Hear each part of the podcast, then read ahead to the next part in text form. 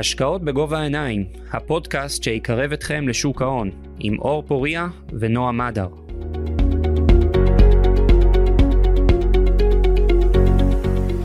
טוב, אחר הצהריים טובים, אנחנו בפרק נוסף של הפודקאסט שלנו, השקעות בגובה העיניים. אה, לצידי כרגיל, נועה מדר, מה שלומך נועם? הכל בסדר אור, מה המצב? אני מצוין. אנחנו מאוד שמחים לארח היום את uh, אמיר ארגמן, uh, אסטרטג ההשקעות הראשי של קבוצת כלל, ביטוח ופיננסים. Uh, שלום אמיר ותודה שהצטרפת אלינו. תודה לכם על הזמן שנתתם לי להיות פה.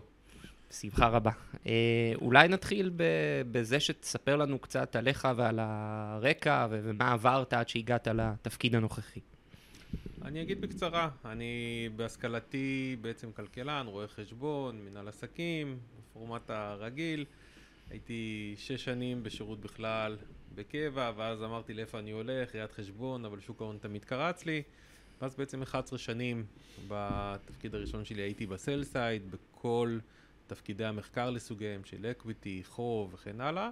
ולאט לאט התחלתי לפתח את תחום המקרו והאסטרטגיה, ואז עברתי לכלל ביטוח, ומזה שמונה שנים אחרונות בתפקיד הזה של אסטרטג השקעות ראשי. איפה היית בשנים הראשונות? בכלל ב... אה, בקרנות? לא, לא, לא, באופנהיימר. אה, אופנהיימר, אוקיי. הברוקר האמריקאי. אה, ושם בעצם נתנו שירותים, הייתי כ sell side, נתנו שירותים למוסדים ישראלים בעיקר. וזהו, ומשם בעצם עברתי למה שנקרא ל buy side, לצד המשקיע, פחות לצד ה... מייעץ והמשווק. כן, מי שלא יודע, נגיד, אה, סתם לקהל, buy side זה בעצם אה, מנהלי קרנות נאמנות, אנליסטים של הבית שמקבלים לך שיר, אה, עבודות. סלסייד, לעומת זאת, זה ברוקראז'ים או לקוחות חיצוניים שמקבלים עבודות שהבית נותן כלפי חוץ. נכון מאוד. בסדר גמור. עכשיו, טוב, בוא, בוא, בוא נתחיל קודם כל לדבר קצת על המצב מקרו. אוקיי, אנחנו אחרי שנה של אינפלציה, שנה לדעתי מרתקת, אחרי שלא ראינו 14-15 שנים בכלל ריבית. הגענו למצב מסוים, אה, דווקא עכשיו אתה מגיע, הבאנו אותך בתקופה יותר קלה, שהאינפלציה מתחילה לשקוע לפחות בארצות הברית, בארץ אנחנו נדע בקרוב כמה זה משפיע. אה, בוא תספר לנו מהעיניים שלך, מה, מה ראית פה בשנתיים, שלוש האחרונות? זו נקודה מאוד מעניינת, כי באמת השאלה הגדולה, האם אפשר להכתיר כבר את האירוע כי אנחנו אחרי האינפלציה. זאת אומרת, ואני מדבר גם על ארצות הברית, לא רק על ישראל. אה, אחד מסימני השאלה הגדולים זה באמת איך יהיה מה שנקרא ה-fading out, כן? האירוע של החזרה לנורמליות. ובהקשר הזה, הניתוח והניתוחים הרבים שאנחנו uh, מסתכלים עליהם ועוברים, מראים שהיסטורית קשה להכתיר כל כך בוודאות, נקרא לזה, את ההצלחה שהאינפלציה כבר לא איתנו.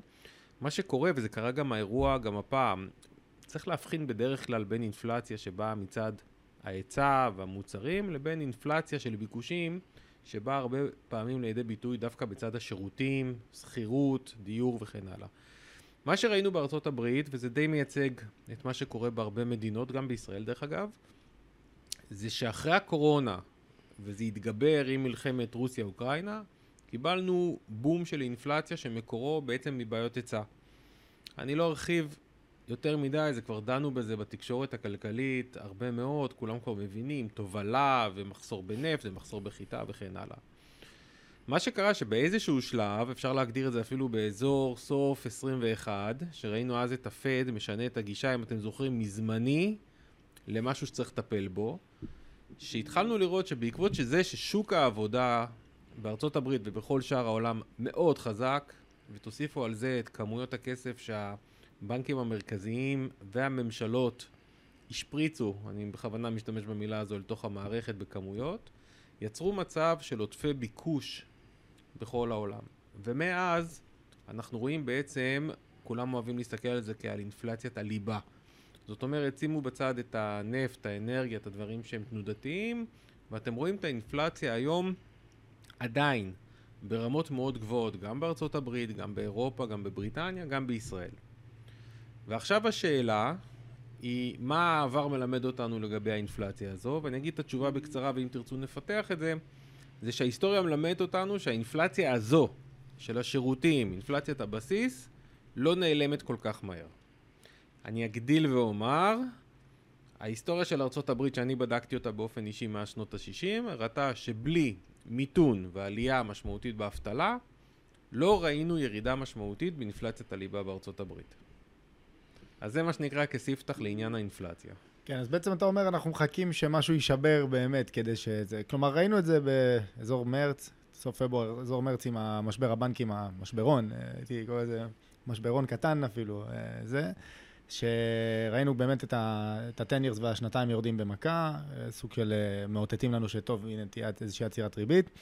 אבל, ואגב, ואז ראינו גם באמת את הפד מקפיץ את, את כמות הכסף חזרה למעלה, ובינתיים ייבש אותה ממש לאותה נקודה. Mm-hmm. אז אנחנו עוד לא רואים שמשהו נשבר. ראינו משהו שמאותת לנו כאילו הולך להישבר, אבל בסוף זה נעצר. אז למה אנחנו כן מחכים שיגיע שיישבר? נכון. עכשיו תראו, אני רוצה להזכיר קצת שיעור היסטוריה. Uh, בתחילת שנות האלפיים, אחרי המשבר הגדול, שמי שזוכר אז ריביות נמוכות בשנת 2000 אחרי המשבר, העלו את הריבית עד תחילת 2005. אני מזכיר לכולנו, גם לצעירים שבינינו, זה שהמשבר התפוצץ כלכלית התחילו סימנים ב-2007, ורק בסוף 2007 התחיל פורמלית מיתון. זאת אומרת, לקח בערך שנתיים וחצי מסוף העלאות ריבית, עד שמשהו נשבר, כמו שהגדרת את זה. מה אני מנסה לומר? שכלכלה זה מדע הרבה פחות מדויק ממה שאנשים רוצים לחשוב. התחילו תהליכים. הריבית הגבוהה בכל העולם עושה באופן מצטבר נזקים. לאף אחד אין יכולת לאמוד בדיוק מה הנזקים. ועכשיו מה שכולם מחכים זה כמו שאתה אמרת, אחד משני תרחישים, אני מפשט.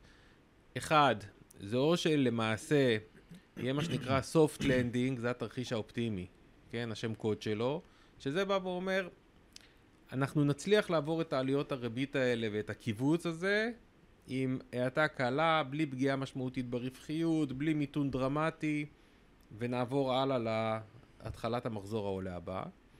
האופציה השנייה, שלצערי היא יותר סבירה מבחינת הניתוח ההיסטורי, לא כי אני יותר חכם ויודע, זה שבדרך כלל צריך את אותו שבר. מה בדיוק אותו שבר? קשה לדעת. אז יש הרבה מאוד טריגרים, כולם מדברים למשל על, ה... רק לשם דוגמה, אני לא יודע אם זה מה שיהיה, נדל"ן מסחרי בעולם. אוקיי? כדוגמה אחת. למה? כי פרוספריטי, בנייה עצומה, המון מינוף, ועכשיו כשמורידים הילוך, פתאום מגיעים לאיזושהי שוקת שבורה, רק לשם המחשה. אני יכול להגיד שהדברים הם כרגע לא אופטימליים. זאת אומרת, מי שמסתכל למשל על נתוני המקרו האחרונים באירופה, מצביעים שאנחנו כנראה נכנסים לסוג של מיתון, אוקיי? נכנסנו כבר לדעתי פורמלית. נכנסנו פורמלית, למרות שהוא נורא שטוח. 0.1. נכון, זהו, אני לא אוהב לקרוא, הרי... הרי אתם יודעים שההגדרה הפורמלית, הפשטנית אומרת שני רבעונים של נכון. שלילי. נכון, והיה גם בארצות הברית לפני איזה שנה וחצי. נכון מאוד, לכן אני לא אוהב להתייחס. בדרך כלל מיתון אמיתי זה מיתון שגוף מחקר רציני בא ובדק את הפעילויות ברמה רוחבית, ראה שבאמת הכל מתכווץ וכן הלאה, אז אני לא, מה שנקרא, מעיב, מרים דגל של הנה מיתון. אבל מה שקרה זה שאם אני אסתכל בראייה יותר גלובלית, זה שברבעון רביעי 2022 היה חשש אמיתי והרבה מאוד אינדיקטורים כלכליים באו ואמרו אירופה, בריטניה בדרך למיתון, ארצות הברית כנראה איפשהו מחצית ראשונה 23 מיתון, אוקיי, אני מדבר בדיעבד, ואז מה שקרה זה שהפתיחה מחדש מסין, שאם תרצו אחרי זה נוכל להרחיב עליה, אבל עשתה איזשהו שינוי מז'ורי בתמונת הביקושים העולמית, אירופה ניצלה מהאירוע הקיצוני של משבר אנרגיה בזכות זה שמזג האוויר היה אופטימלי, סוף סוף אנשים היו מרוצים מזה שחם מדי, ושני הדברים האלה נתנו איזשהו בוסט רוח גבית לכלכלה, ואיכשהו הגענו עד לפה, עבר עוד רבעון, רבעון וחצי, והדברים נראים בסדר. אבל כרגע, שוב פעם, אנחנו רואים את אירופה מתחילה להיחלש, מתחילים לראות שוב פעם את סין מתחילה להיחלש אחרי הפתיחה מחדש והבוסט הראשוני. אגב, ציינת שאירופה זה בקטנה, אבל מי שמשך אותה למטה זה גרמניה, שכמה נכון. היא הודתה ואמרה איזה יופי היה לנו קיץ, אה, חורף חם, בסוף הם אלה ש... נכון, כי כלכלת גרמניה מתבססת יותר אולי מכלכלות אחרות על הצד היצרני, אוקיי? ולכן צריך להבין שגם באירופה עדיין, אם מסתכלים על כלכלת השירותים, כמו בארצות הברית, עדיין רואים בסך הכל עוצמה די יפה. זאת אומרת, לא רואים, לא, לא, לא מספרים בשמיים, אבל רואים בסך הכל בסדר. עוד דבר שצריך לקחת בחשבון, שהכמויות כסף שדיברתי עליהן קודם, שהממשלות דרך סיוע פיסקלי ודרך הענקת אשראי זול וכן הלאה נתנו בזמן הקורונה, עוד מפרנסות לא רע חלק גדול מהפעילות שאנחנו רואים היום. אוקיי, רואים את זה דרך אגב, מי, שזה, מי שעוקב רואה שהרבה פעמים בגרפים של כמות הפקדונות שיש לאזרחים, מה שנקרא היום בהשוואה לקו המגמה שהכרנו טרום קורונה, רואים שעדיין יש שאריות לא רעות בכלל ולא מבוטלות, כן. והן עדיין מפרנסות את כל הצריכה היום. אז מה שאני אומר, שאלת מה יישבר, עכשיו כמו תמיד, אנחנו לא נדע מה יישבר. נכון. אוקיי? מי שמתיימר לדעת, אז כנראה שהוא קרא יותר מדי, אבל זה לא מה שיישבר, כי כולם מתכוננים שם. אה, ברבורים שחורים. ברבורים שחורים, כן, השאלה האם זה יבוא מאיזושהי כלכלה שתיכנס משמעותית למיתון, השאלה אם זה יבוא מהצד הפיננסי, שמרץ היה פרומו, אני מזכיר גם, 2007-2008, אתם זוכרים, היה לנו את, אה, לפני זה, בר סטרנס, את בר סטרנס, זה היו לנו את הקרנות פתאום שהתחילו כן. לצלוע, מי שזוכר כן, את עוד לפני שהגיע לימן. נכון מאוד. אז... ג'ייסי פני, המשכנתאות. ג'ייסי פני, משכנתאות, נכון, זה תהליך. זה תהליך, ולכן קשה להיות, uh, יומרני להיות uh, נביא בהקשר הזה. כלומר, uh, בוא, בוא נגיד, באמת, מה שקיבלנו זה רק פרומו, אני מסכים, אני, אני מסכים, אני מאוד מתקשה להגיד שאולי עוד משהו יקרה, אני, כמו שאמרת, הניסיונות האלה זה רק נחושים. מה שכן, ת, תגיד לי, אולי אתה רואה משהו, אני רואה גם ברבורים לבנים, העיקרי שבהם אני רואה דווקא, בעיניי, זה אה, הקנייה, לא, קודם כל זה ברבור לבן, אבל כולם מצפים שאולי זה יגיע. אה, אני דווקא יותר חושב שכל אה, תחום ה-AI הוא, הוא עדיין לא משוערך נכון. כלומר, אני, אתה כבר רואה שבאמת הרבה חברות טכנולוגיה יודעות לפטר כמות עובדים מאוד גדולה, בלי שזה ממש משפיע עליה. ראינו את פייסבוק מפטרת 25% מהעובדים, אבל בוא נגיד היא גייסה את אותו, אותה כמות בשנה לפני כן. אבל טוויטר כבר הורידה איזה 60% מהעובדים שלה, אני מניח שעוד חברות עושות את זה, ואני מניח שזה לא היה מתאפשר אם לא היה איזה משהו יותר מתקדם בתוך החברות הללו שקשור ל-AI. ואני רואה בזה איזשהו גורם דיפלציוני שאמור uh, להשפיע, אז אולי, אולי לדעתך זה... העלית נקודה שהיא חזקה על הפרק היום. זאת אומרת, כמוני, יש עוד הרבה אנשים שקצת מתקשים להבין את התנהגות השוק, ומנסים למצוא הסברים מה בעצם גורם לשוק להתנהג כמו שהוא מתנהג, ועצם העובדה שהראלי שאנחנו רואים מתחילת שנה הוא מאוד מאוד בצורה קיצונית מרוכז בתוך תחום הטכנולוגיה, ולא רק בטכנולוגיה, אלא גם בתוך הטכנולוגיה, בתוך נישת ה-AI הזו, yeah. כל זה מעלה באמת לא פעם את הסברה שה-AI יצליח לקחת את כל הצרות שדיברתי עליהן קודם, ולעזור לנו לעבור מה שנקרא את הנהר הזה בצורה יותר חלקה. אני לא מומחה AI, אוקיי? חשוב לומר, אבל אני כן כבר 20 שנה בשווקים ומכיר כבר לא פעם את התהליכים האלה. עוד כשאתה מסתכל משנות, תחילת שנות האלפיים, שזה היה האינטרנט וה-IP, עבור בזה שאחרי זה, במיוחד דרך אגב בקורונה, כולנו חווינו את זה, וגם לכן גם מי ש... מה שנקרא משקיע צעיר יודע ומכיר, זוכרים איך דיברו על זום לפני שלוש שנים? כשזום עשתה פי עשרה על המניה שלה? כן. וכולם הסבירו לנו, כשאנחנו יושבים בבית, שיותר לא נלך למשרדים, ואין יותר פגישות ולא נוסעים לחו"ל. נכון. וזה מה שמצדיק את המהלך של פי עשר במניה. והיום אחרי, מניית זום ירדה 60-70 אחוז. אני לא יודע אם חזרה לאותו מקום. ודרך אגב... 600 ל-60, פלוס מינוס. משהו כזה. אוקיי. ויותר מזה, כל מה שאמרו אבל שזום תהפוך להיות ותשנה את כל התרבות העסקית, קרה. זה הקטע. זאת אומרת, זה לא שאנשים טעו וזום הייתה קוריוז. מה אני מנסה לומר? שיש פער גדול ביישום של הדברים האלה במציאות הריאלית, אוקיי? הלכה למעשה, לבין התמחור של הדברים האלה על ידי המשקיעים. עכשיו, מה שאני חושש, אוקיי? אני לא אומר את זה כי עובדתי בדקתי והמספרים, כאילו, אבל מה שאני חושש זה שהשוק, כמו תמיד, עושה את המהלך, מתמחר משהו אמיתי, אבל הוא ממהר מאוד בלקחת ולעשות לו מוניטיזציה. אנחנו בשלב מאוד מוקדם, NVIDIA דרך אגב, שעושה הרבה כותרות, כן. היא באמת אולי החברה היחידה, אני מגזים, כן? אבל אני אומר את זה כאיזשהו משל, החברה היחידה שבאמת כבר עושה כסף מ-AI. כי בעצם כל אחד, כל מכולת היום, במרכאות, רוצה שרת ולהתחיל לפתח ולהתחיל לעשות וכן הלאה.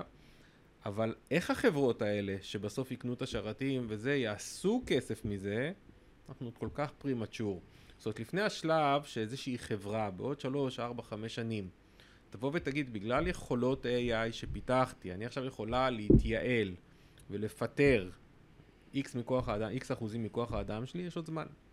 ובטח שזה לא נותן מבחינתי איזשהו הסבר, משביע רצון, לאיך זה עוזר לי עם הבעיות שהן כאן ועכשיו, בחצי שנה הקרובה, שזה אומר אינפלציה, ריבית, מיתון אפשרי וכן הלאה.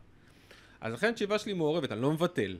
אני לא אומר היה שטויות וזה, אבל אני כן אומר שכולנו כבר ראינו וראינו, זה לא המיני בועה הראשונה, וגם כנראה לא האחרונה, והחברות האלה יהיו מדהימות, והטכנולוגיה מדהימה, והכל נכון.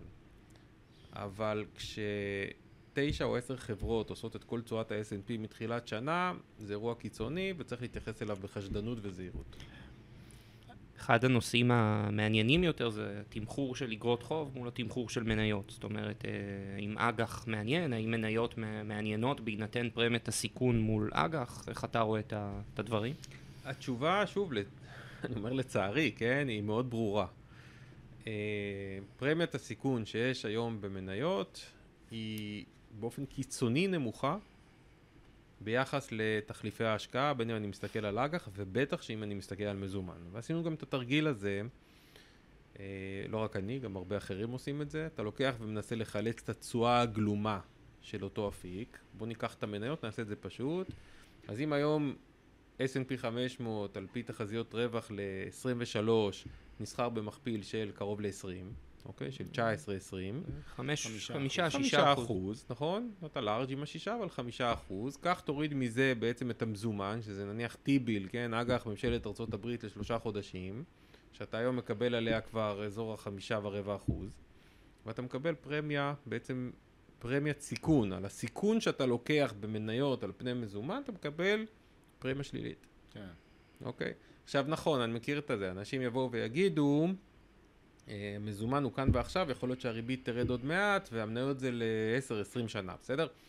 אז בואו נעשה את זה עם אג"ח 10 שנים של ממשלת ארה"ב ב-3.7. אז תקבל 1.3.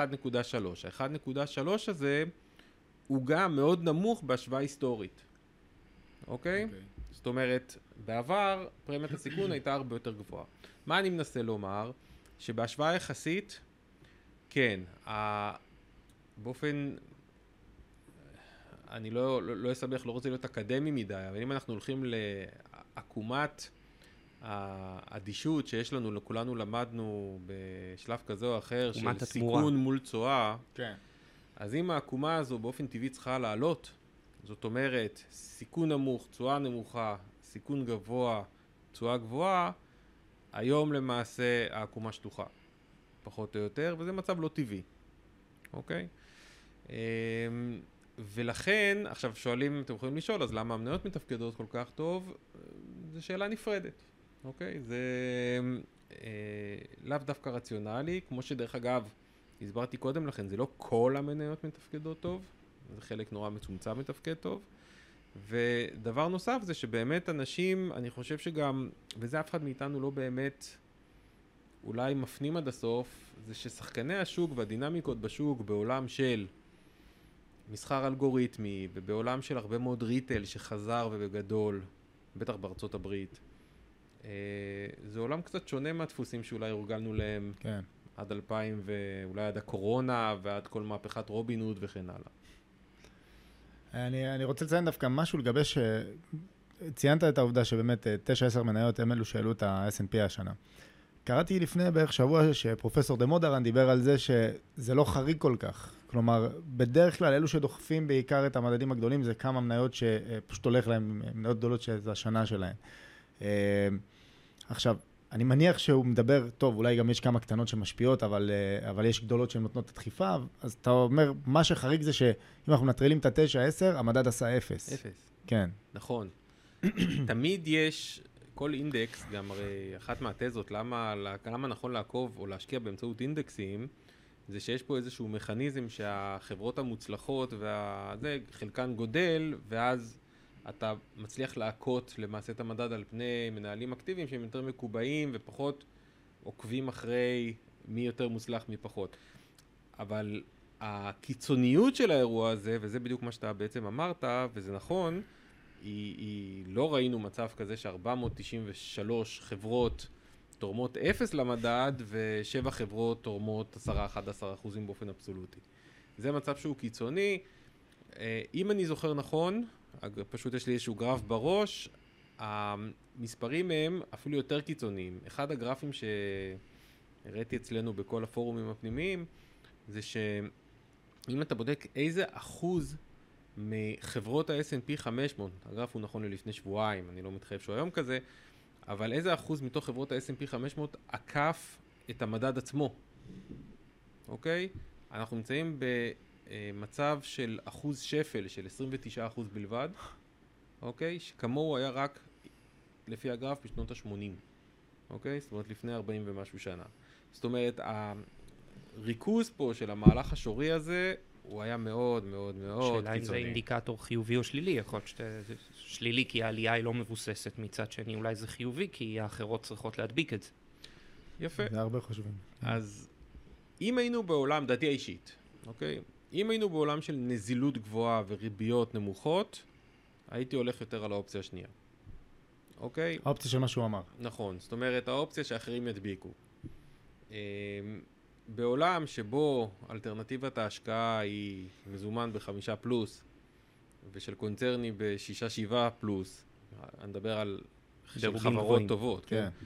Uh, בעולם כזה אני נוטה להיות יותר ספקן, בסדר? עכשיו שוב, אני מספיק מבוגר בשווקים בשביל לדעת ולא להמר נגד אה, פומו, נגד תנועת העדר הזו, כן? כן. זה מתכון ברור להידרסות. אבל אני כן אומר שבסופו של דבר מי שנדבק לפונדמנטלס ולתמחורים ולהיגיון מימוני פשוט, כמו שכולנו למדנו בבייסיק, זה בדרך כלל איפשהו נשבר ולא ממשיך. איפה מה שאתה מתאר משפיע על מדיניות ההשקעות ש- של כלל, למשל? הקטנת אז... חשיפה מנייתית במסלולים הכלליים, או מה אז אני יכול להגיד שלמשל, בתחילת 2023, זאת אומרת שנערכנו באסטרטגיה של סוף 22 ל-23, אז ההחלטה שלנו זה שאנחנו התחלנו את השנה בחשיפת מניות שהיא כמו ממוצע מתחרים, אולי טיפה פחות, זאת אומרת, לא לתפוס פינה, אבל גם לא לעבור את ממוצע נניח התחרות, הבנצ'מארק, מצד שני, כן אמרנו ללכת בגדול וגם יישמנו להגדיל את רכיב הפיקסט אינקאם בתיקים, אחרי ששנים הוא לא נתן תשואה. אני מודה, והיום גם אנחנו יודעים, סך הכל פתיחת השנה שלנו היא לא מלהיבה, צריך לומר, וחלק מהעניין היה באמת חוסר הרציונל בתפיסתנו, כן? של המהלך המאוד צפוף הזה בטכנולוגיה. אוקיי? וזה באמת משהו שאני יכול להגיד ש...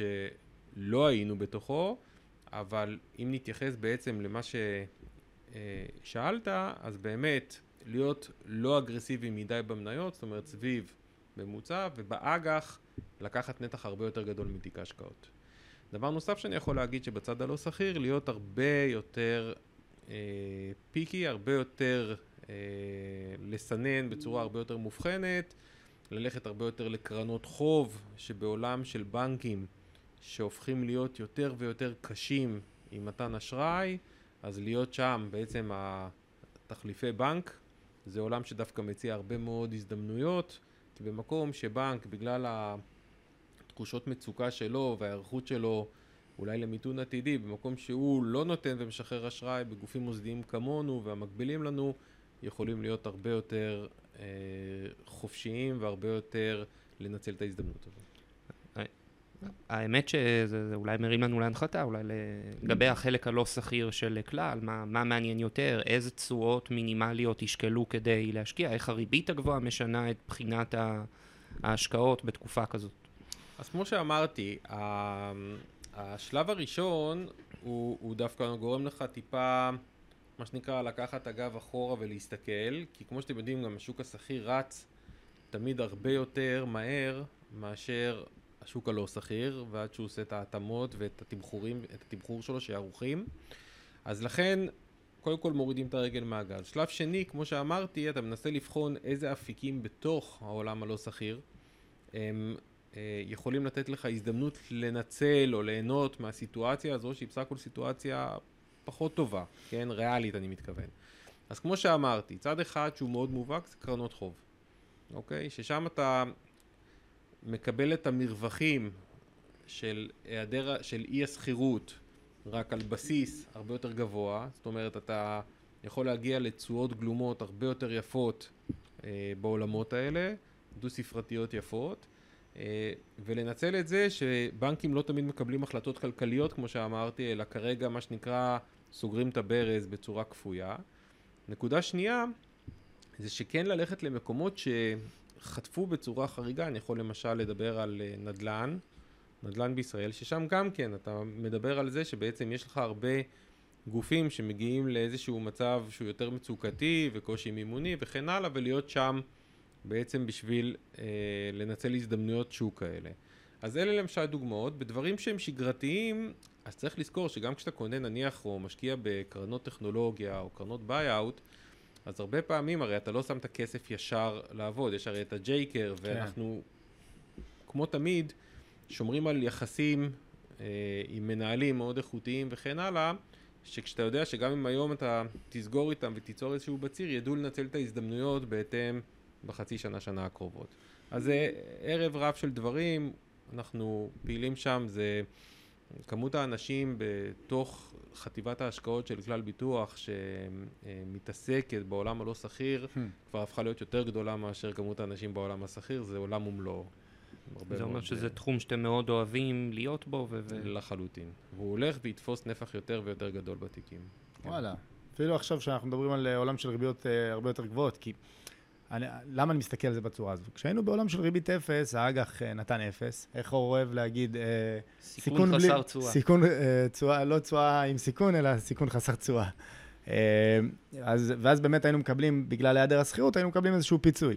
היום אנחנו, יש לנו חמישה אחוזים, נקרא לזה בטוחים, אה, דרך הבנק. זה אומר שכדי לקבל את הפיצוי על השכירות, אנחנו כבר מגיעים לריביות מאוד גבוהות. אה, עכשיו, זה ייקח אותי לשני כיוונים. קודם כל, האם זה לא כבר מקום קצת מסוכן להיות בו? אה, כשאנחנו מדברים על נגיד 12 אחוזים, לא יודע, משהו בסגנון הזה. ודבר נוסף, אני אכנס טיפה כבר לשוק הישראלי. בגלל שהגישה שלך היא מאוד אגחיסטית בהרבה מהדברים שאתה מדבר, רציתי לשמוע את גישתך גם לגבי הנושא של האשראי חוץ-בנקאי בארץ. אה, שיש לנו הרבה חברות כאלה, ציבוריות, שעולמן השתנה בשנה וחצי האחרונות בעקבות חברות שנפלו, והאם באמת זה משהו שעוד אפשר להסתמך עליו, אה, ושהם יהוו איזושהי תחרות או תחליף, עזרה לבנקים. אז אתה מדבר על אשראי חוץ-בנקאי כמו שאנחנו כלל נותנים בעצם קורפורט במשק, נכון? הבנתי אותך נכון? גם אתם וגם כמו שנאווי נותנים לקבלנים uh, בצפון. אוקיי, okay. אז תראה, כמו כל דבר, קשה להגדיר אפיק בצורה מוחלטת. כל דבר הוא לגופו, נכון. כל עסקה היא לגופה. אז קודם כל תזכור שגם זה נכון שמעולם של ריבית אפס הפכנו להיות בעולם שפתאום הריסק פרי הפך להיות פתאום ריסק. משהו משמעותי, אבל תזכור, הריסק פרי מגולם גם בעולמות הלא שכירים. זאת אומרת, עם, עם קרנות חוב בעולמות של התשואות אפס או ריביות אפס, היה יכול לתת לך ריבית חצ... תשואות חד ספרתיות, אז יחד עם זה גם התשואות עלו כלפי מעלה, זאת אומרת, והחברות הן אותן חברות, כן? כן. כמובן תחת עולם של ריבית יותר גבוהה וכן הלאה. אז שלא תבינו, זה לא עולם כמנהגו נוהג. כשאמרתי שמחזיקים הרבה מאוד כוח אדם, זה בדיוק בשביל זה, בשביל לעשות את ה-DD, לעשות את האנליזה, לראות שמי שאתה נותן לו את האשראי יודע מה הוא עושה איתו, ושהולך בעצם להיות מה שנקרא לא חדל פירעון כמובן וכן הלאה. בעולמות של חו"ל אנחנו משתמשים בעצם במנהלים הכי אה, איכותיים, הכי גדולים, הכי משמעותיים שאפשר לעבוד איתם ולבחור, ככה שהם בלי להיכנס למקומות ספציפיים, כי אני פחות בקיא בעסקאות ספציפיות, אבל אני יכול להגיד לך שבעצם נוצרות דווקא בנקודות סטרס האלה, כי, כי צריך להבין משהו. אחד הדברים למשל, דיברנו קודם מקרו, אבל אחד הדברים למשל שמבחינתי הם דגל אדום חזק למיתון בארצות הברית, אוקיי, בהמשך השנה או בתחילת 24, זה כל סקרי האשראי, וכאן אני מחבר את זה למה שדיברנו, שאתה רואה שמתבצעים, בין אם זה כל... Uh, סקרי החברות, אוקיי? או בין אם זה הסקר שהפד עושה פעם ברבעון, שהוא בא ופונה לגופים שמקבלים אשראי ולבנקים שנותנים אשראי ושואל אותם אתם מקשיחים או מקלים? יותר קל לכם לקבל או יותר קשה לכם לקבל? והוא מפרסם פעם ברבעון, זה, זה סקר מאוד מאוד חשוב, כלי עבודה מאוד חשוב מבחינתנו, ואתם רואים בצורה ברורה, אין לנו את הגרף מולנו, אני אתאר אותו בעל פה, אתם רואים שבעצם היום אנחנו נמצאים בנקודה שהבנקים בארצות הברית סגרו את ברז האשראי בצורה די קיצונית, שבעבר הייתה אינדיקציה להאטה חמורה מאוד, בואכה מיתון במשק. מה אני בא לומר? שדווקא בנקודות כאלה, שהבנקים הופכים להיות קצת דובון לא לא בהקשר הזה. מה, מה זה אומר דובון לא לא? זה אומר שאתה בא ואתה הפילטר שלך למי לתת אשראי ולא, החורים שלו הרבה יותר קטנים. הבנתי. אוקיי? זה אומר, זה לא אומר שהם רעים, זה אומר שבמדיניות העסקית שלהם ובניתוח המקרו שלהם, זה מה שהם נדרשים או זה מה שהם בוחרים לעשות. אוקיי? ובמקומות כאלה נוצרות גם הזדמנויות, כי עדיין יש חברות איכותיות שיוכלו להחזיר את החוב וצריכות את זה בשביל פרויקטים שהם טובים ומה שנקרא כלכליים, וזה בדיוק המקום שאתה יכול לקחת הזדמנויות.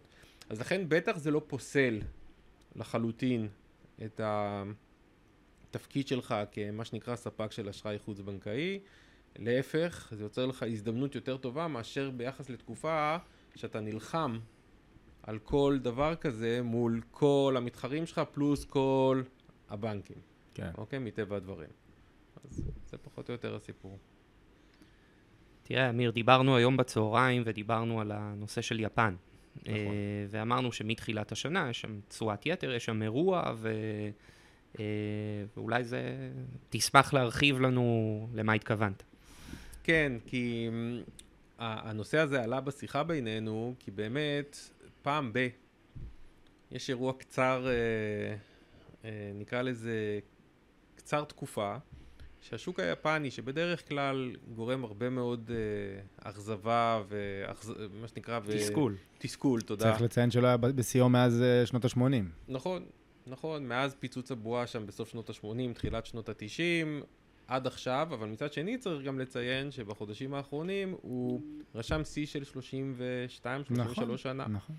עכשיו, למה, למה עלה הנושא בשיחה בינינו? כי יש הרבה מאוד, בתור מי שבחלק מהתפקיד שלו זה להיות סוג של pipe, של צינור, שקורא הרבה מאוד מחקר. אז אני יכול להגיד שיש למעשה, רוב הדוחות שאני קורא היום על התחום הזה, מדברים על זה שביפן יש משהו חדש, אוקיי?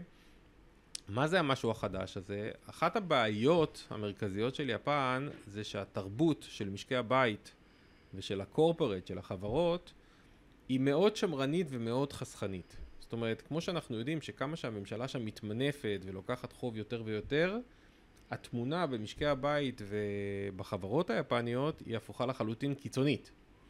רק לשם המחשה, אם תסתכלו על המאזן הכולל של חברות אמריקאיות, בממוצע בערך עשרה אחוז, עשרה, חמישה עשר אחוז מהמאזן יושב במזומן.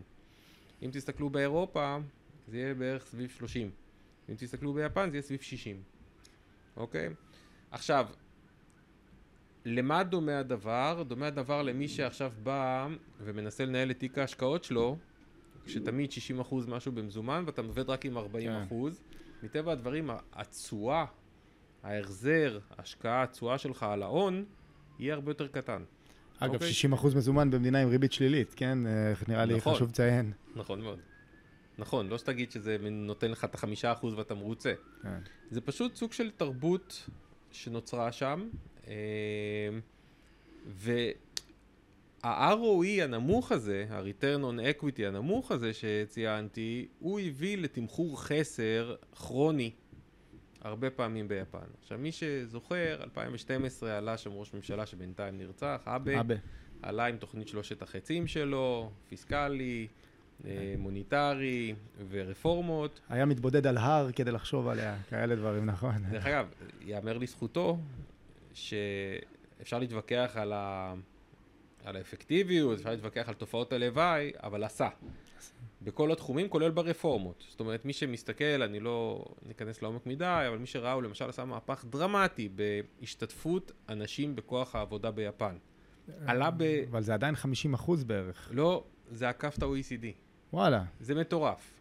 שוב, אין לי את הגרף מול העיניים, אבל כן, הוא עשה מהלך מדהים, והיום למעשה, אם אני זוכר נכון, אל תתפסו אותי במילה, אבל קרוב יותר ל-67 עד 70 מה אחוז? השתתפות. אבל יש שם ממש משהו מאוד בעייתי עם הכבוד המשפחתי, שאם היא יוצאת, זה אומר שהבעל לא יכול לפרנס, ואז אין בו צורך, זורקים אותו לרחוב, הרבה. אז, אז אתה צודק היסטורית, היום התמונה שונה לחלוטין. וזה דוגמה אחת. דוגמה שנייה זה שמי מי שמסתכל על ה... על היקף ה buyback או על תשואת הדיבידנד ביפן, אז כולנו איפשהו ב... כולל אני, כשאני כל פעם מסתכל על הגרפים, חיים ב הם לא מחלקים הון לבעלי מניות חזרה, ולא ולא ולא ולא, ואתה רואה שתשואת הדיבידנד כבר של מניות ביפן גבוהה משל ארצות הברית. כן. אוקיי, וגם ה buyback, ההיקף הופך להיות כמו ארצות הברית, שזה השוק שהכי מוביל. מה אני מנסה לומר? קרו רפורמות, הן לא משהו חדש, הן בשנים האחרונות קורות. הדבר הנוסף שקרה זה אינפלציה. זאת אומרת, 2022 הייתה, של, הייתה שנה של אינפלציה גבוהה ביפן, ובנוסף לזה, אה, מדיניות מוניטרית מאוד מקלה תוך כדי.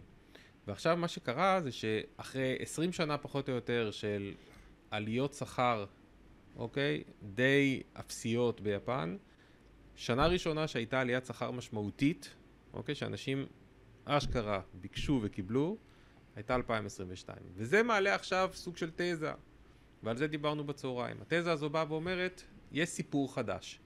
ומי שרואה את תשואת היתר של יפן, בסך הכל די מוכיחה שלא מעט מהמשקיעים מתחילים לעקוב ולשים עין. אני מוכרח לציין שאני עדיין סקפטי מאוד.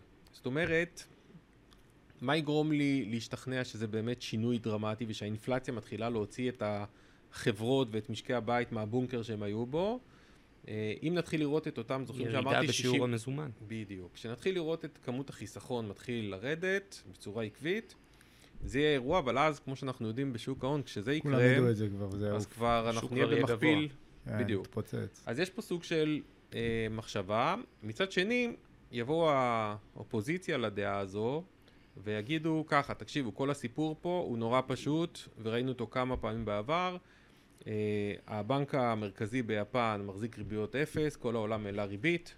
זה החליש את היין בצורה דרמטית, החלשת היין העלתה את הרווחיות של החברות, והרווחיות של החברות באה לידי ביטוי בשווקים. ברגע שהפער מדיניות יצטמצם, הכל יתהפך ונראה ביצועי חסר. ואי אפשר לשלול ואי אפשר מה שנקרא את התזה הזו ואת הדעה הזו. לכן אני אומר, יש שם סיפור מעניין, אני יכול להגיד לכם שברמת המחקר, האסטרטגיים, זה עושה עכשיו הרבה מאוד רעש. אני לא אומר את זה בצורה מדעית, אבל אם אני מנסה לכמת, היום רוב האסטרטגיים, דווקא בצד של פרו-יפן, אוקיי? כן יש סימן שאלה, האם זה משהו שיכול ללוות אותנו חמש, עשר שנים, כן? איזשהו שינוי מבני, או שזה משהו שהוא נקודתי. האמת שמעניין מה שאתה אומר, כי גם בסוף ברמה הדמוגרפית, יש שם ירידה של בערך מיליון אה, אנשים ביום. בשנה, בשנה. סליחה. כן. בשנה. אמנם אוכלוסייה של 130 אה, מיליון, שזה עדיין אומר שיש אה, מספיק שנים למחוק, אבל איך צומחים כש, כשזו כמות האוכלוסייה מדי שנה? יש הרבה פחות צרכנים.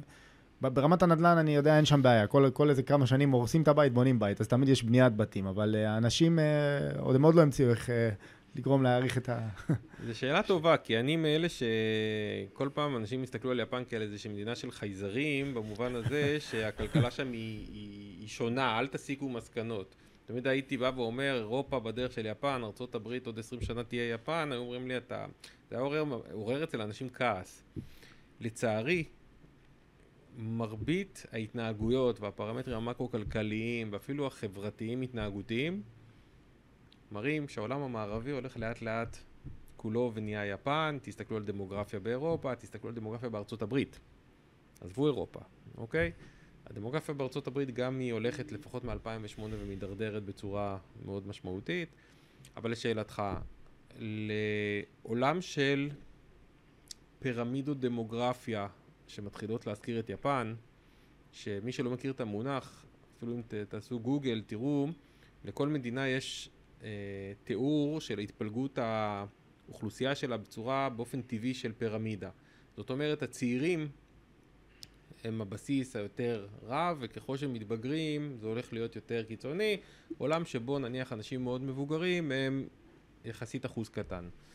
ומה שקורה שבעולם של פירמידו דמוגרפיה אנחנו רואים את התופעה שיפן הופכת להיות פירמידה שהיא קצת הפוכה. אה, מדינות אחרות כמו סין למשל, שבבעיה לא הרבה פחות אה, קלה מאשר יפן, כן, נמצאת כבר מה שנקרא פירמידה שטוחה. ישראל יחסית מדינה זה, וכמובן יש לנו את המדינות שהן מה שנקרא יותר אה, אה, אפריקה וסוגים של הודו, שאנחנו רואים פירמידה עדיין יותר רחבה. מה שאני אומר, עולם שבו יותר ויותר מדינות יהיו פירמידות שהופכות להיות מלבן, זה עולם מורכב מאוד, הוא דרמטי בהיבטים של נדל"ן, של צריכה, של פנסיה. כן. מה אתה עושה כשהחלק הזה, העובד, צריך לפרנס חלק הזה. הרבה מאוד שאלות שאני חושב שההנהגות הפוליטיות לא ממש בנויות להתמודד איתן בעת הנוכחית. אני עוד דבר אגיד, שעולם כזה, באופן אבסורדי, הוא לאט לאט יהפוך להיות יותר ויותר אינפלציוני בפוטנציה. כי תחשוב שכוח העבודה, או, או מי שאמור להיות מסוגל לעבוד, יהפוך להיות יותר ויותר במיעוט, ואז המלחמה על אותו כוח עבודה כן. תהיה יותר קשה, יותר אינפלציונית. זה די העולם שאנחנו נמצאים בו היום, פחות או יותר, שיש לך אבטלה של 3.5 אחוז, אז... אה, נכון, אבל פה אני אחזור דווקא, בואו אני אכניס לזה קרן אור אופטימית, ציינת את ה-AI קודם. אז תחשוב שמה שעשתה מהפכת, המהפכה התעשייתית והרובוטיקה וכן הלאה בעולם של הייצור, אוקיי? שהחליפה 200 אנשים שעושים משהו ככה עם מכונה אחת שעושה בחצי זמן, אז ה-AI אמור לעשות את זה בעולם של השירותים, בעולם של, בתחומים שלנו, של שוק ההון, של פיננסים, של בנקאות, של ביטוח, וזה עולם שכמו שאמרנו, עם השנים יאפשר לעשות תהליכי התייעלות שיאפשרו לעולם הזה. צריך ללמוד, תמיד בעולמות שלנו, מה שנראה לך שהולך לאיזושהי פינה שאי אפשר לצאת ממנה, נוצרת. תמיד תהיה איזה, בדיוק, נוצר איזשהו שינוי טכנולוגי, התנהגותי וזה, שהחיים ממשיכים, וזה גם כאן ימשיך. צריך איזה פוליסת חיסכון אה, עוקבת יפן, לא? מה? עוקבת יפן. מקווה שלא אחרי הדמוגרפיה של יפן. לא, אני מקווה גם. או משקיעים שעוקבים יפן. האמת, אה, נתת הרבה דגש על יפן, ובואו נלך דווקא למדינה שאנחנו קצת יותר מכירים. בואו נדבר קצת על ישראל. אה, נכון, יש לנו את נושא הרפורמה, שאגב, יום רביעי זה, זה סוג של יום די מהותי לנושא הזה, כי יש את הוועדה לבחירת שופטים. נכון. אחריה נדע אם אנחנו אה, יוצאים לאיזשהו, לאיזשהו מלחמת אחים, או שיהיה בסדר. אבל בוא, בוא, בוא נרגע ניתן, אה, מה, מה הגישה שלך, מה הגישה בכלל אה, לגבי ההסתכלות על הארץ כרגע? תראו, הגישה שלנו כלפי השקעה בישראל הייתה מאוד חיובית. אנחנו גם נהנינו מאוד משנים 21 ו-22 עם תשואת יתר מאוד דרמטית של ישראל, והיינו אה, במשקל יתר אפילו די חריג. אוקיי? הבסיס המקרו-כלכלי של ישראל הוא מאוד בריא.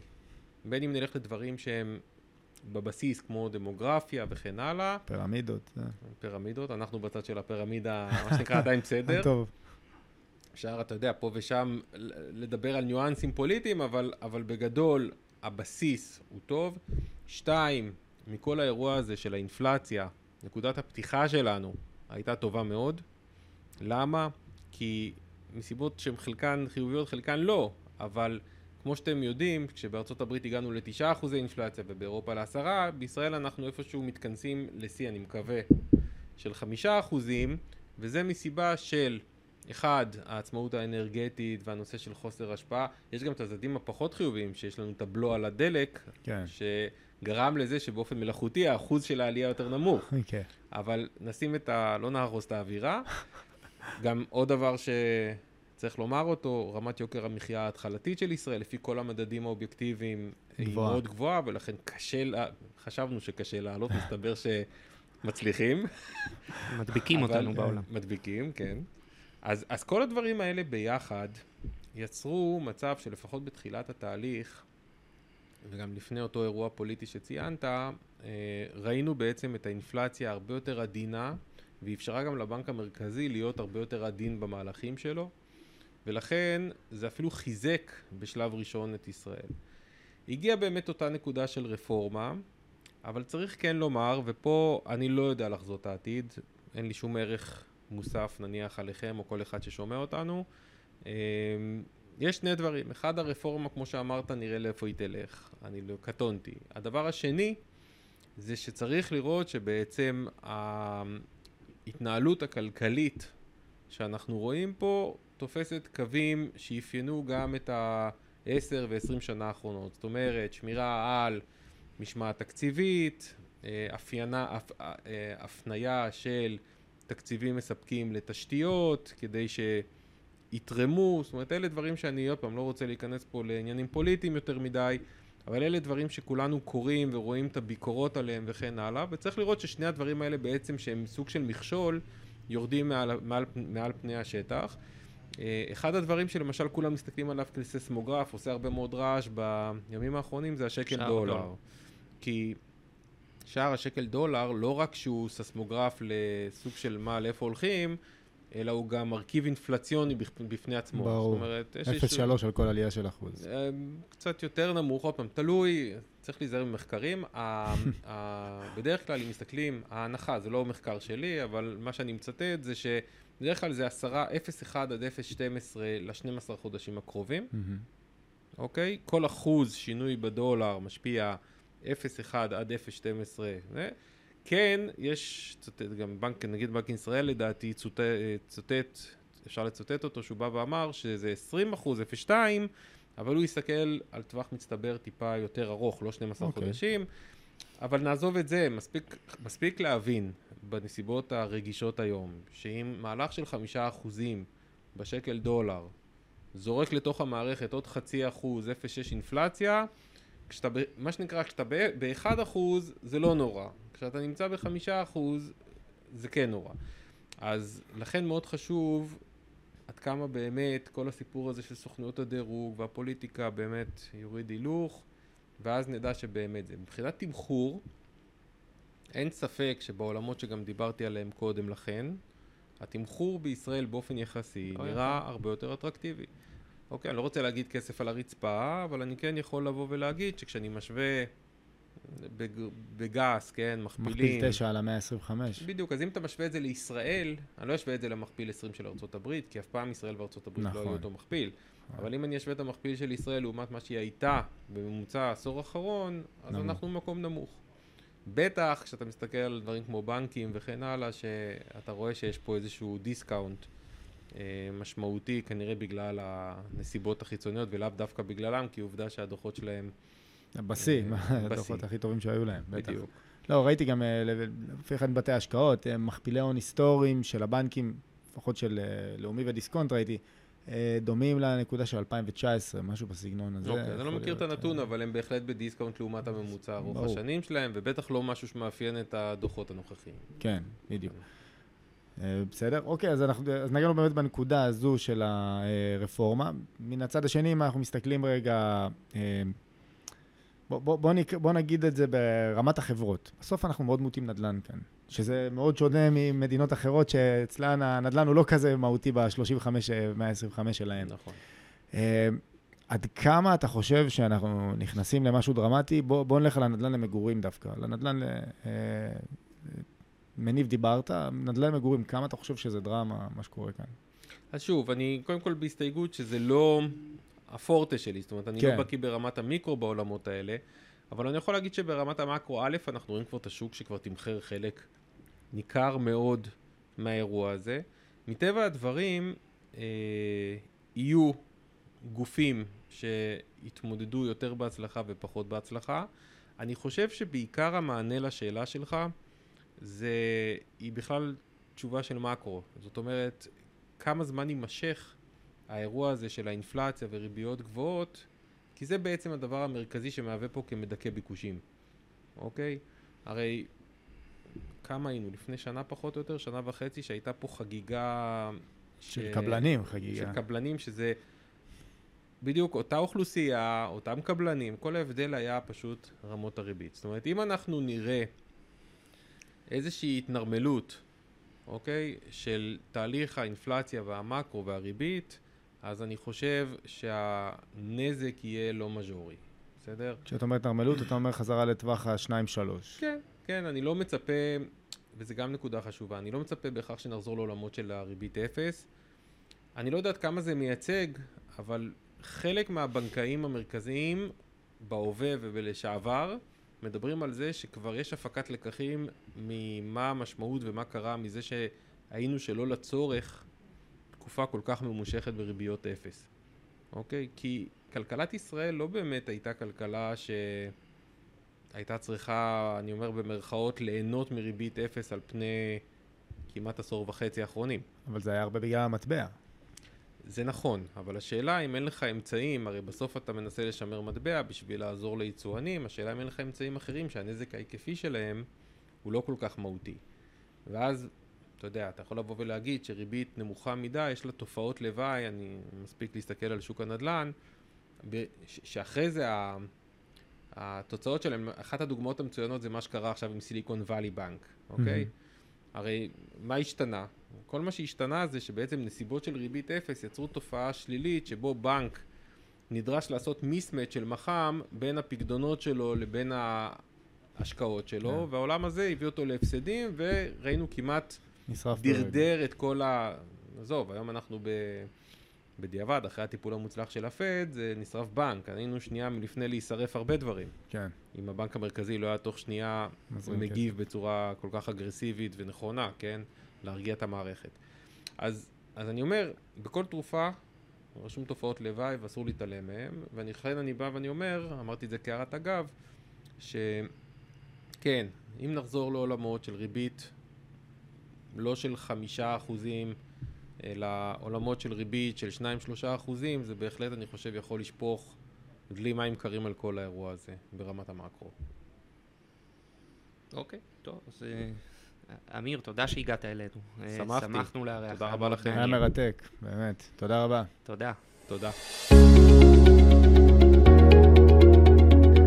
תודה שהייתם איתנו. תוכלו להאזין לנו בפלטפורמות הפודקאסט הנבחרות, אפל, ספוטיפיי וגוגל. נשמח אם תעקבו אחרינו, ובמידה ואתם מכירים מישהו שיכול ליהנות מהתוכן שלנו, נשמח אם תשתפו.